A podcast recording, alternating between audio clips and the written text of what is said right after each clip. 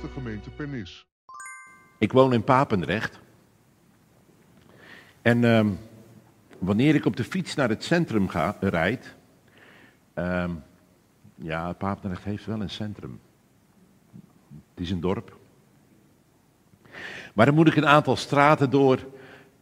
eh, met een keur van, van voortuintjes is daar te zien. Sommige zijn keurig aangeharkt. Eh, perken met plantjes, al het onkruidgebied. En eh, ja, dat ziet er netjes uit. Maar er zitten er ook bij waar hele bankstellen staan te zwelgen van het vocht. Ehm, boodschappenkarretjes van de Dirk en, eh, en de Jumbo liggen door de tuin heen.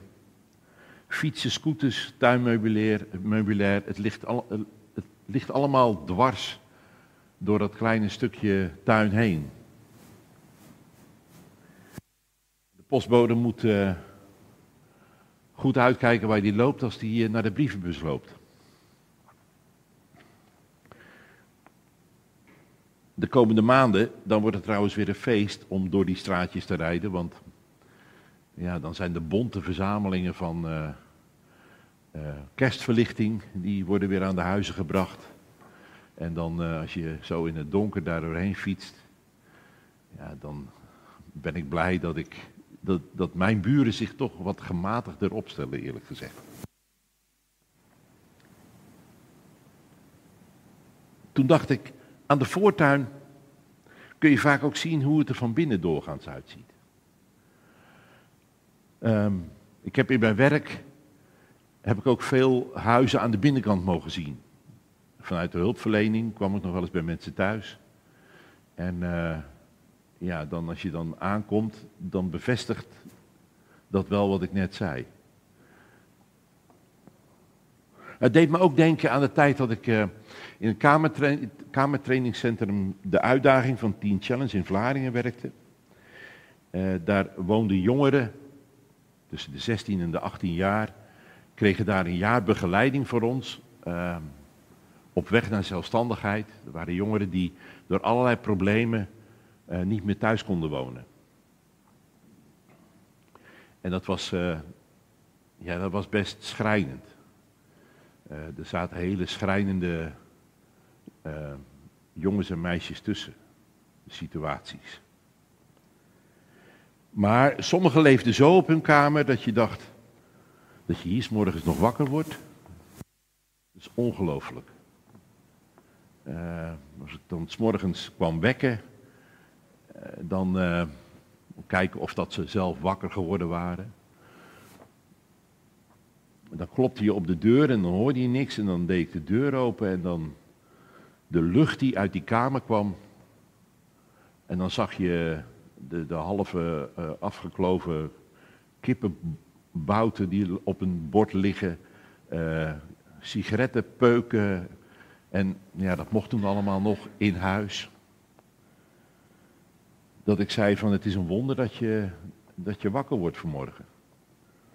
Maar aan, aan de bende die je dan zag, kon je ook zien ehm, wat voor chaos het van binnen was bij zo'n jongere. En die chaos was er door wat ze allemaal mee hadden gemaakt. En langzamerhand zag je daar ook eh, verandering in komen. Des te langer dat ze bij ons woonden. Gesprekken die we met hen voerden. Eh, ze kregen de boel weer een beetje op, op een rijtje gezet. En ehm, dat zag je dan ook in, in, de, in het doen en laten. Daar ruimden ze hun kamer wat meer op. De een wat meer dan de ander. Maar ehm, daar moest ik wel aan denken toen, ehm, eh, eh, toen ik ook dit las. Ehm, Jezus die komt bij de tempel en ehm, hij ziet daar hoe het volk eigenlijk leeft. Mensen die ehm, hun portemonnees willen vullen. Ten koste van. En toen dacht ik, ja, ik kan natuurlijk wel mooi praten en denken over hoe, hoe dat daar in, in de Bijbelse tijd ging. Hoe zit dat nou bij ons? Hoe zit dat nou bij mij? Er staat in de Bijbel dat je lichaam een tempel is van Gods geest. Als dat zo is, dat geloof ik ook. Hoe zit dat dan met mijn voortuintje, met mijn voorhof? Wat staat daar dan in? Is, is het dan toegankelijk? En dan kan ik mijn, uh, mijn tuintje bij mijn huis redelijk op orde hebben, zodat mijn voordeur goed bereikbaar is, maar welke kramen heb ik dan in mijn eigen leven staan?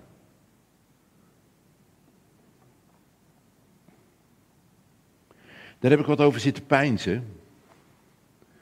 En de eerste kraam is eigenlijk dit. Hier ben ik wel aan verknocht. Dat houdt me vaak af van uh, het openslaan van de Bijbel. En voor het gemak hier dan ook de Bijbel op staan. Dus hoef ik zondags die Bijbel niet meer mee te nemen. Dan kan ik gewoon in de dienst meelezen op mijn telefoon. Het is wel een beetje zwaktebot, hè? Ik zal hem trouwens even uitzetten. Zo. Het is wel een zwaktebot. Flauwe smoes. Want op dat ding staat de hele wereld.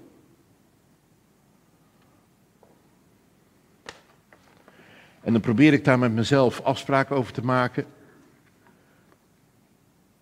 En uh, hou ik me dan ook een poosje aan.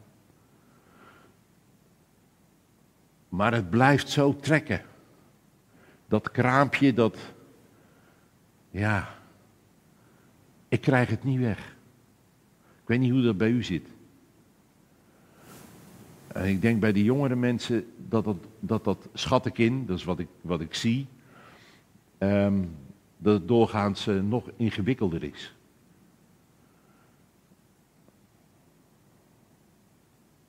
Ongewild koester ik deze afgod.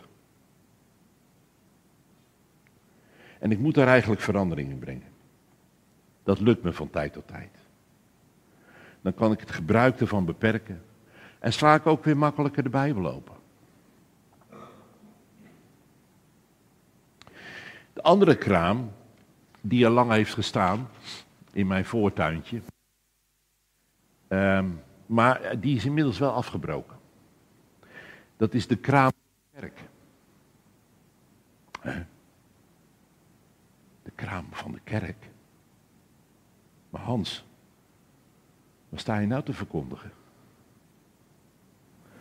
Altijd maar weer bezig zijn als een Martha.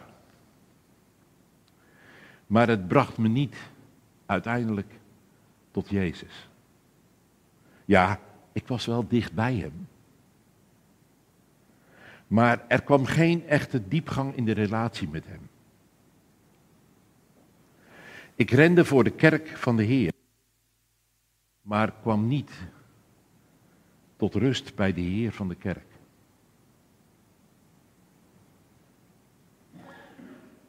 Net als die Martha, hè. Ze was bij Jezus. Maar ze ergerde zich aan Maria, die aan zijn voeten zat. En zat te luisteren. Maar zij moest nog zorgen voor, ja, voor het natje en het droogje. En dat, dat alles goed was en dat alles netjes was. En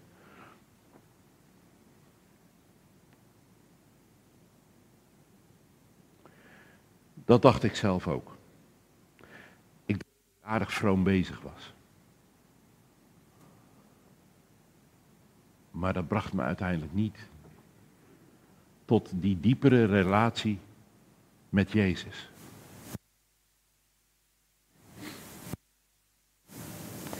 Ik dacht dat God mij wel zicht zou geven op het leven dat hij voor me zou hebben.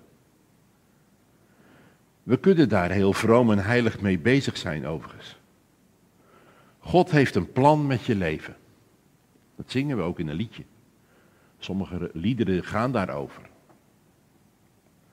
En jij je maar afvragen hoe dat plan er dan uit zou zien.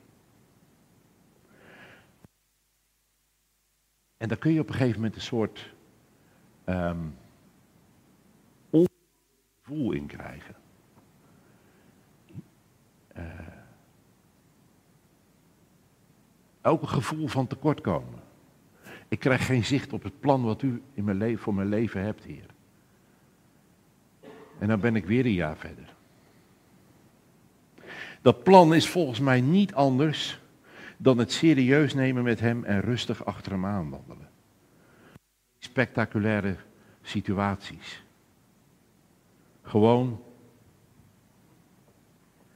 lees je Bijbel en bid elke dag. Daar heb ik eigenlijk mijn handen al vol aan om dat te volbrengen.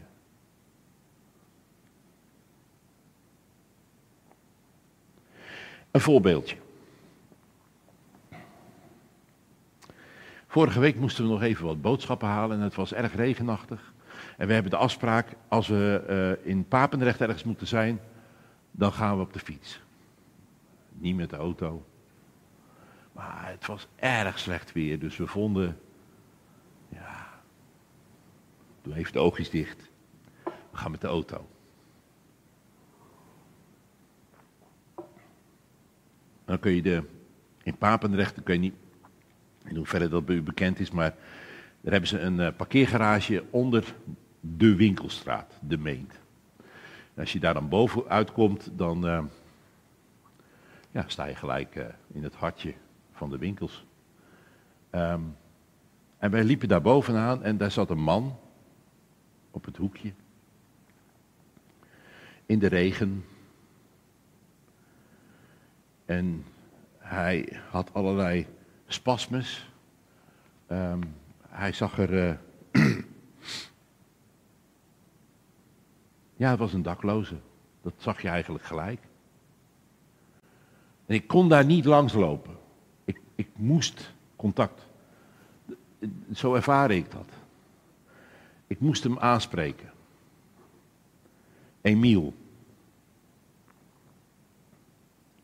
En hij vertelde al heel snel dat hij uit Roemenië kwam en dat zijn vrouw, dat hij samen met zijn vrouw um, in de auto leefde. Al meer dan een jaar. Geen huis had. Ik zeg, en terug naar Roemenië. Hij zegt, nou, dan gaat het nog slechter. Dat is, dat is geen. Uh, ik, heb niet verder daarover gesproken, maar ik denk dat, het, um, dat hij een Roma-achtergrond heeft. En de Roma's in Roemenië is een aparte groep mensen die. Nou, die hebben het daar heel slecht. Um, worden daar ook gediscrimineerd.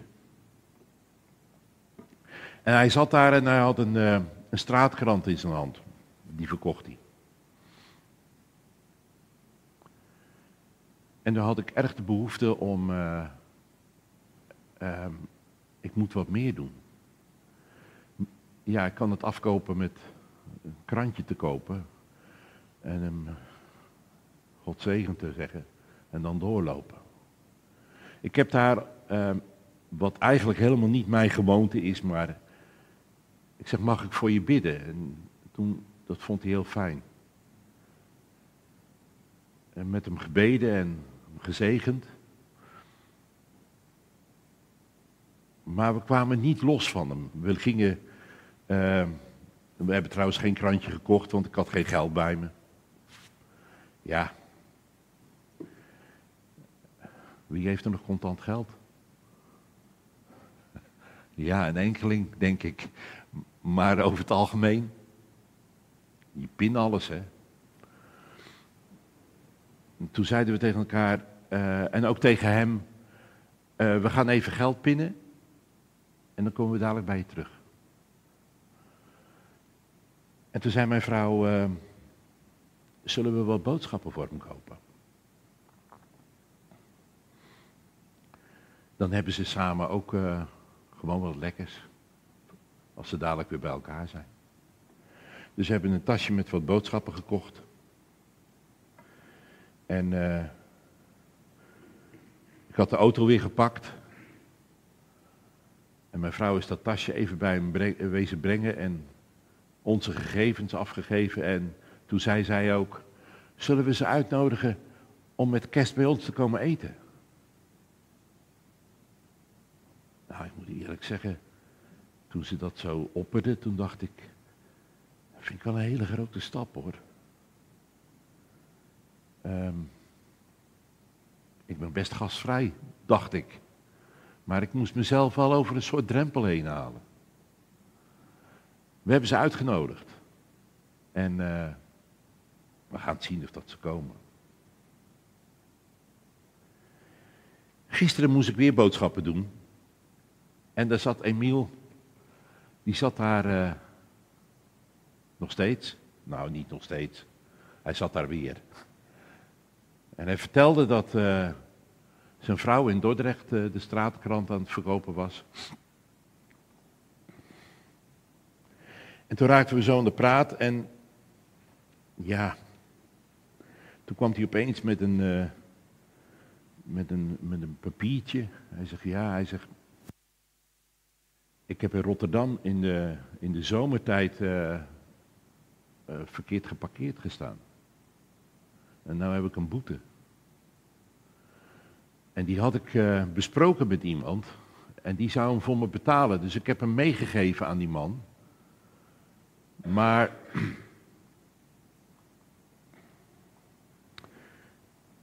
Nu wisten ze, wisten ze, me opnieuw te vinden. En nu moet ik voor 1 december moet ik, 136 euro betalen, want hij is verdubbeld. Hij is niet betaald.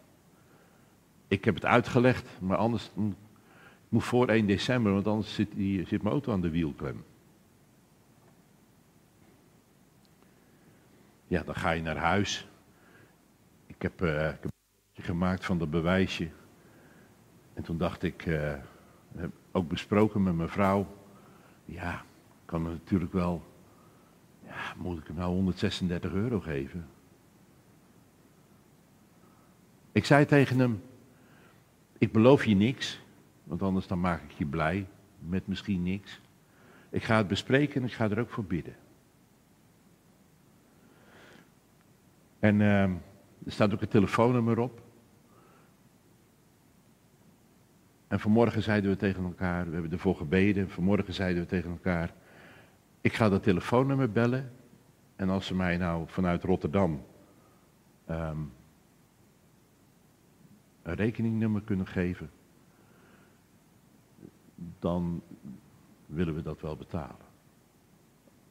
Dan mogen we dat, dan zullen we dat zien als, als Gods leiding daarin. Een hoop, hoop voor's en tegens en zo over zeggen, maar ik vertel u dit niet om te zeggen van, jongen, jongen, wat ben je goed bezig Hans. Helemaal niet.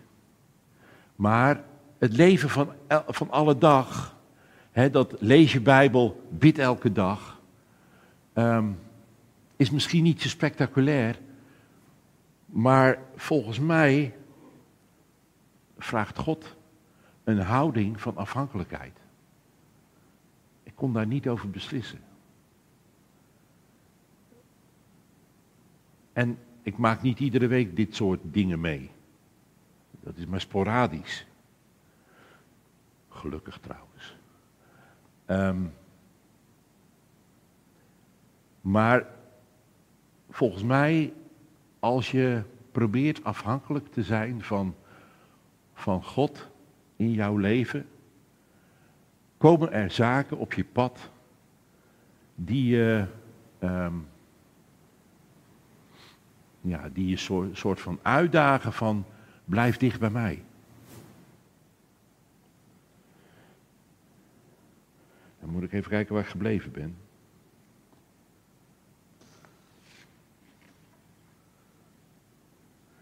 Dat was dat tweede kraampje.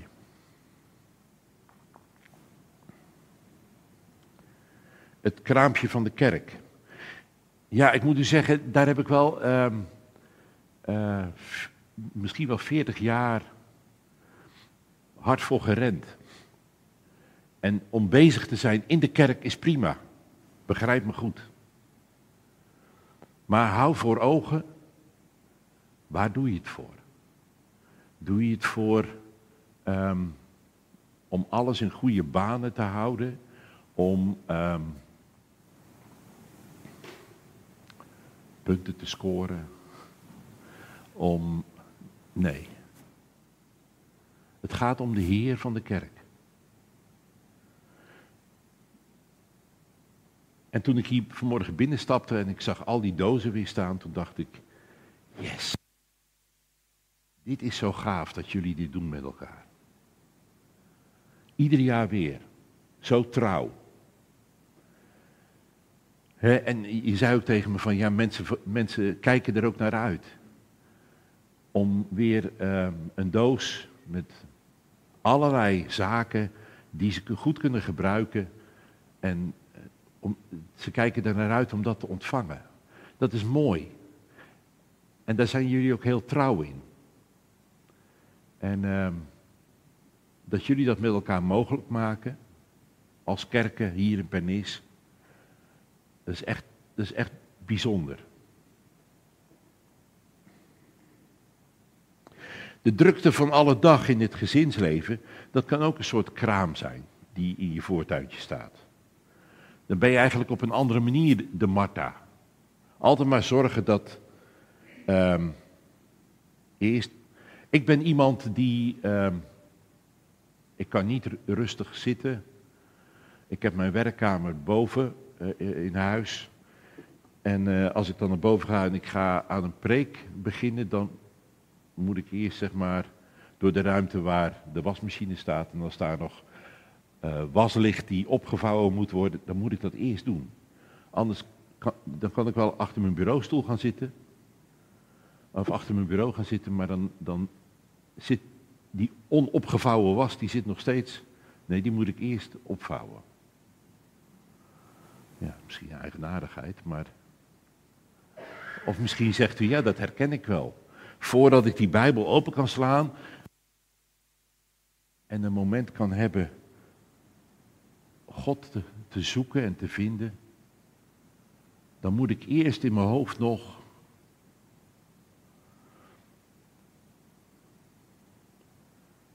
En God zegt, kom dan maar bij mij.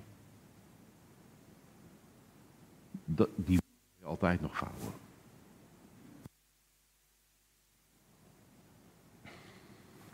Herkent u dat? Of ben ik de enige? Ik zie wat, eh, wat grijnzende gezichten. Alle kramen, soms hoe vroom bedoeld, die zijn gestuurd, daar ben ik van overtuigd, en geleid niet door God. Volgens mij door de, door de tegenstander. Die houdt ons van God af. Ehm, als je de Martha in de kerk bent, dat vindt hij prima. Zolang het maar niet om Jezus gaat.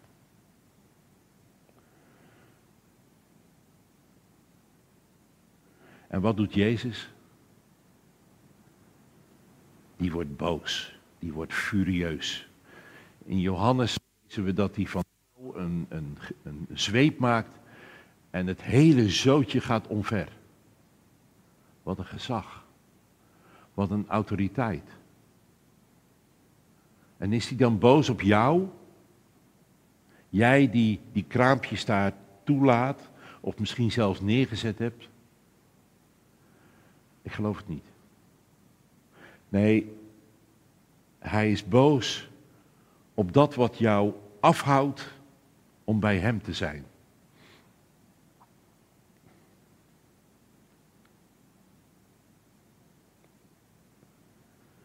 Hij is niet boos op jou, maar op de zonde. Ons lichaam is een tempel van God. Hij woont in ons. Toen dacht ik, is God nou te zien in ons leven? Is die te zien in mijn leven? Wat is er zichtbaar van Hem in jou? Kan de wereld zien dat jij christen bent? Dat je kind van God bent? Je medeleerlingen in de klas? Je collega's? Je buren?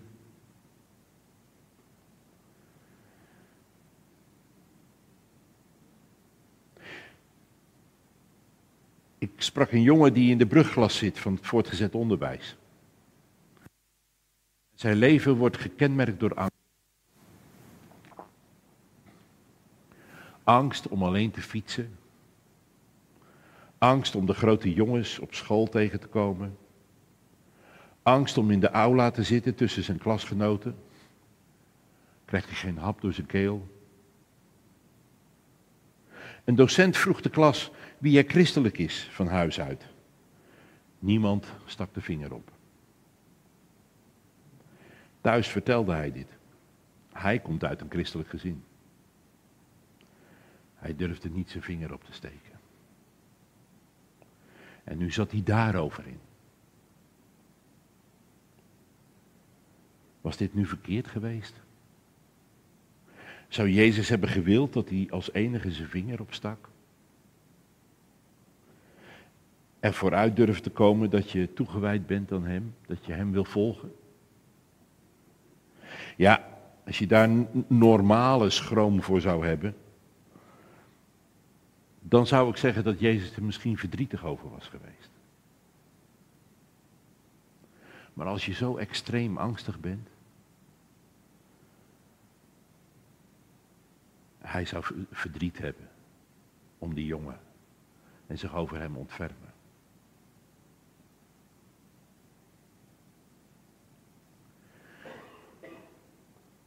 Maar op dat tempelplein, daar zaten mensen die hun zakken zaten te vullen. Die wilden er alleen maar rijker van worden.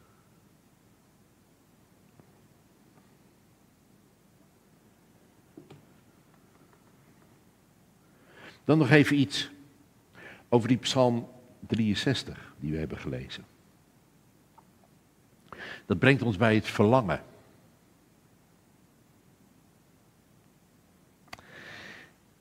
de status die, die David daar heeft, had, ik zou willen dat ik dat kon nazeggen. Soms wel. Wanneer ik muziek draai en uh, sommige nummers beluister, dan heb ik zo'n verlangen naar meer van God. Als ik in een dienst geraakt word, ja, dan, dan, er zijn soms momenten in het leven dat je denkt, Heer, ik wil meer van u.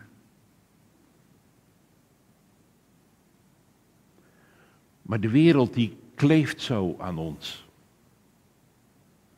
Houdt ons nog zo vaak vast in haar greep. Afgelopen week, de verkiezingen, ja. Dag in dag uit kregen we het over ons heen gesmeten. Je ziet de tv aanzetten, de radio, kranten. Zelfs, uh, ja.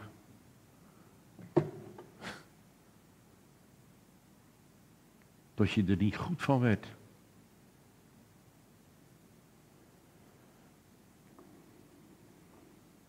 En die dagelijkse omgang met Hem is zo noodzakelijk. Ik zat uh, onderweg hierheen vanmorgen te luisteren naar een, um, um, naar een podcast, naar, een, naar een gesprek tussen uh, Kees van Ekeris en iemand anders. Kees van Ekeris is, uh, voor degenen die dat niet weten, ehm, ja, de, de, moderne profeten. Er is zo'n groepje mensen die allerlei hele waardevolle zaken uitspitten uit de Bijbel. En dit ging over, over waarheid. Um, hij, hij zei, ja, wij laten ons zoveel vullen uh, met die social media bijvoorbeeld, hè, in, in de moderne techniek, wat er allemaal niet over ons heen komt. En we moeten steeds beter, en nu ik het zeg, denk ik met de, met de uh, hoe zeg je dat, AI? Uh, ik kijk even jullie kant op. Uh, wat zei je? AI. Ja, waarin heel veel fake gebeurt. Hè? Waar, waar mensen uh, van alles, je, je kunt mensen alles laten zeggen wat ze nooit gezegd hebben. En het is bijna niet meer te onderscheiden, of het is niet meer te onderscheiden, wat is nou waarheid, wat is nou leugen. De wereld hangt van leugen aan elkaar. Steeds meer. En het wordt steeds moeilijker om, daar, om je daarvoor af te sluiten. En hij zei, laat je vullen met waarheid. Lees de Bijbel. Zoek elkaar op. Zoek waarheid. Wees selectief met, uh, met wat je op die social media doet. Wat je kijkt, wat je leest. Maar laat je leiden door zijn geest.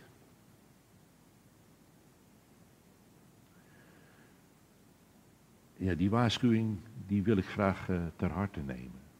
En die wil ik ook aan jullie doorgeven. Alles wat gezegd wordt is niet zomaar waar.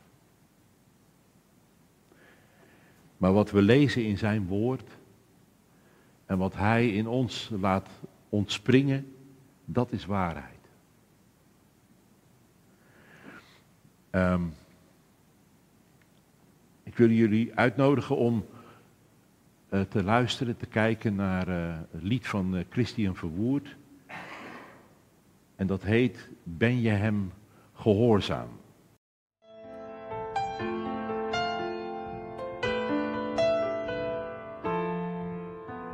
Als jij gelooft in Jezus' naam, die redding bracht aan jou. Waarom brandt jouw hart dan niet? Waarom is het zo lauw?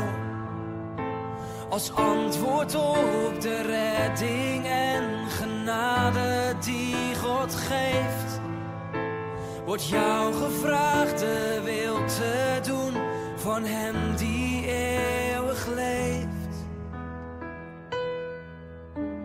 spreekt de juiste woorden wel, maar leef je er ook naar? Vormt jouw hart en wat jij doet voor Satan een gevaar? Laat alles even rusten nu en neem even de tijd. En stel jezelf dan deze vraag in alle eerlijkheid. O ben ik hem gehoorzaam? Luister ik naar zijn stem?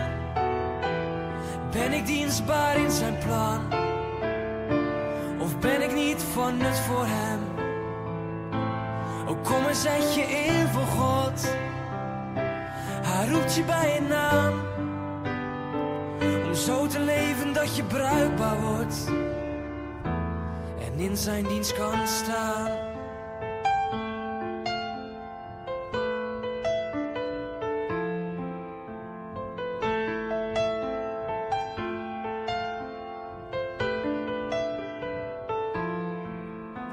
De kracht van Jezus volgeling ligt in gebrokenheid. Dat brengt je aan zijn voeten een hart hem toegewijd. Je wilt hem volgen als je Heer en leven zoals hij. Maar daar hoort ook het lijden om de naam van Jezus bij. Want Jezus zegt, degene die mijn volgeling wil zijn, die neemt zijn eigen kruis op zich en komt dan achter mij. Wie voor zichzelf zal leven, zal verliezen wat hij heeft. Maar wie voor mij zijn leven laat, ja, die is het die leeft. Ook ben je hem gehoorzaam, luister je naar zijn stem. Ben je dienstbaar in zijn plan? Of ben je niet van nut voor hem? Ja, kom en zet je in voor God. Hij roept je bij je naam. Om zo te leven dat je bruikbaar wordt. En in zijn dienst kan staan.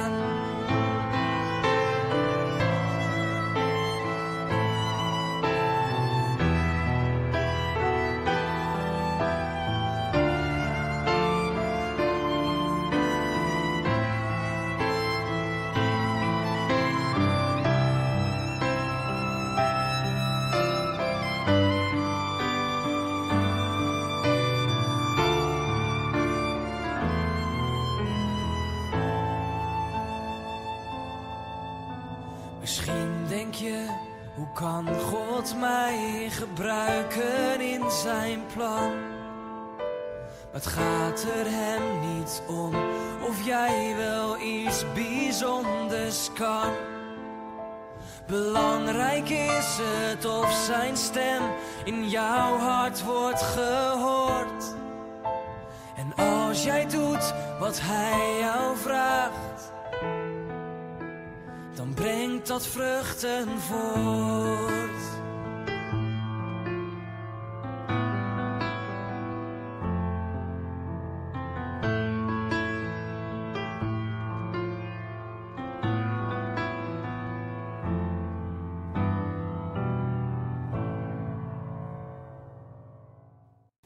Er zijn een aantal zaken in dit nummer wat bij mij in de eerste keer luisteren enorm raakte. De zin dat hij zegt, ben je een gevaar voor Satan? Toen dacht ik, nou volgens mij valt dat wel mee. Helaas.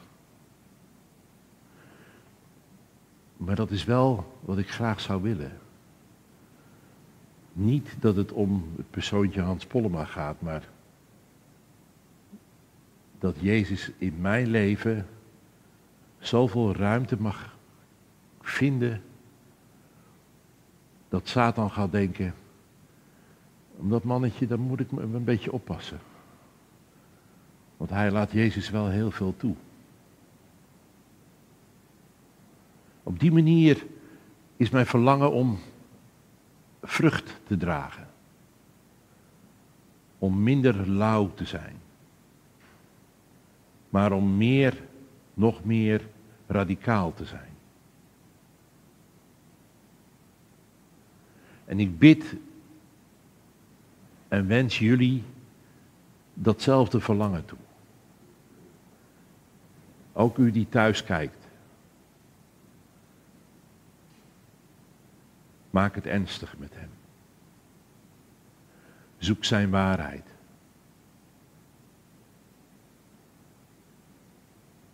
En leef iedere dag met en, vanuit hem.